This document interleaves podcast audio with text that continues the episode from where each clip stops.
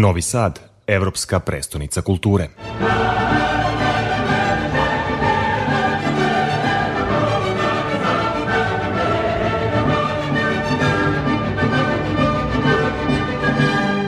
Za početak, šta simbolizuje naziv izložbe Ženska nit?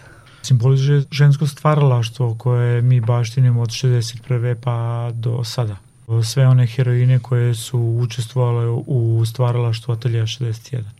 Mnoge umetnice su prošle kroz atelje, samo neka od imena biće zastupljena na izložbi koja je otvorena u ateljevu 61 i u kreativnom distriktu. Kako je izložba koncipirana? Koncipirana je tako da smo mi u saradnji sa Evropskom predstavnicom kulture i uh, Lukom heroine izložili dela koje su stvarale umetnice koje su radile u ateljevu 61 Atelje 61 od 61. kažem opet do sada uh, sarađivo sa raznim umetnicima. Mi smo sada mogli samo da izložimo 19 tapiserija od umetnica. Jedan deo što nismo mogli da izložimo, mi smo neke umetnice intervjuisali pa smo ih kroz video format pokušali da ih predstavimo u publici, tako da publika može da upozna ono što su one radile i kako su stvarale i njihov neki put kroz taj video zapis, a 19. tapiserija će predstaviti drugi deo ovaj, naše zbirke i same umetnice koje su stvarale kod nas.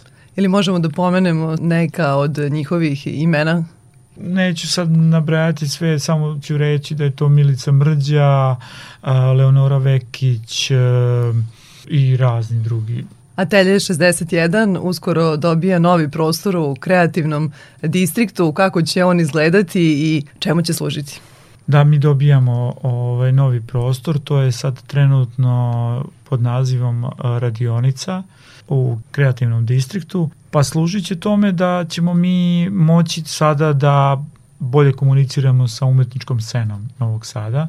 E, Atelje 61 neće biti samo baziran u tom prostoru na tapiseriji, nego uopšte na sceni Novog Sada i uopšte umetnika koji će dolaziti u Novi Sad da izlažu, a mi ćemo želeti da na što bolji način e, podržimo te umetnike.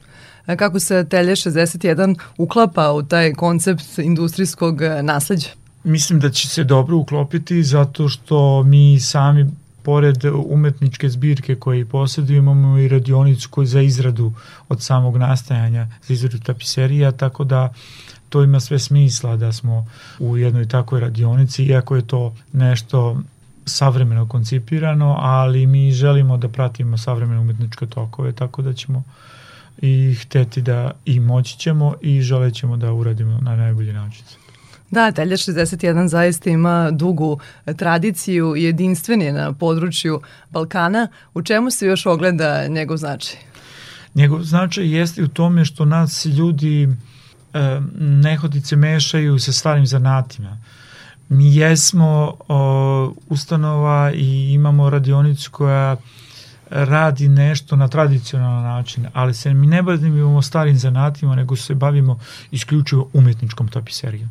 Znači, kad kažemo umetničkom tapiserijom, to znači da se, kod nas dolaze svi značajniji umetnici sa ovih prostora i iz Evrope, čak i sveta, i oni ostavljaju nama njihove kartone koji su originalni i samo za to pravljeni i mi izrađujemo tu tapiseriju po njihovim kartonima, originalno umetničko delo koje onda kasnije postaje deo uh, umetničke zbirke Atelja 61, ali pored toga mi izrađujemo i za same umetnike ako hoće oni da izlažu negde u inostranstvu, uglavnom kad kažemo inostranstvo to znači da inostrane umetnici dosta dolaze kod nas i onda mi izgrađujemo za njih te tapiserije gde će oni da izlažu u njih, to jest njihove umetničke radove.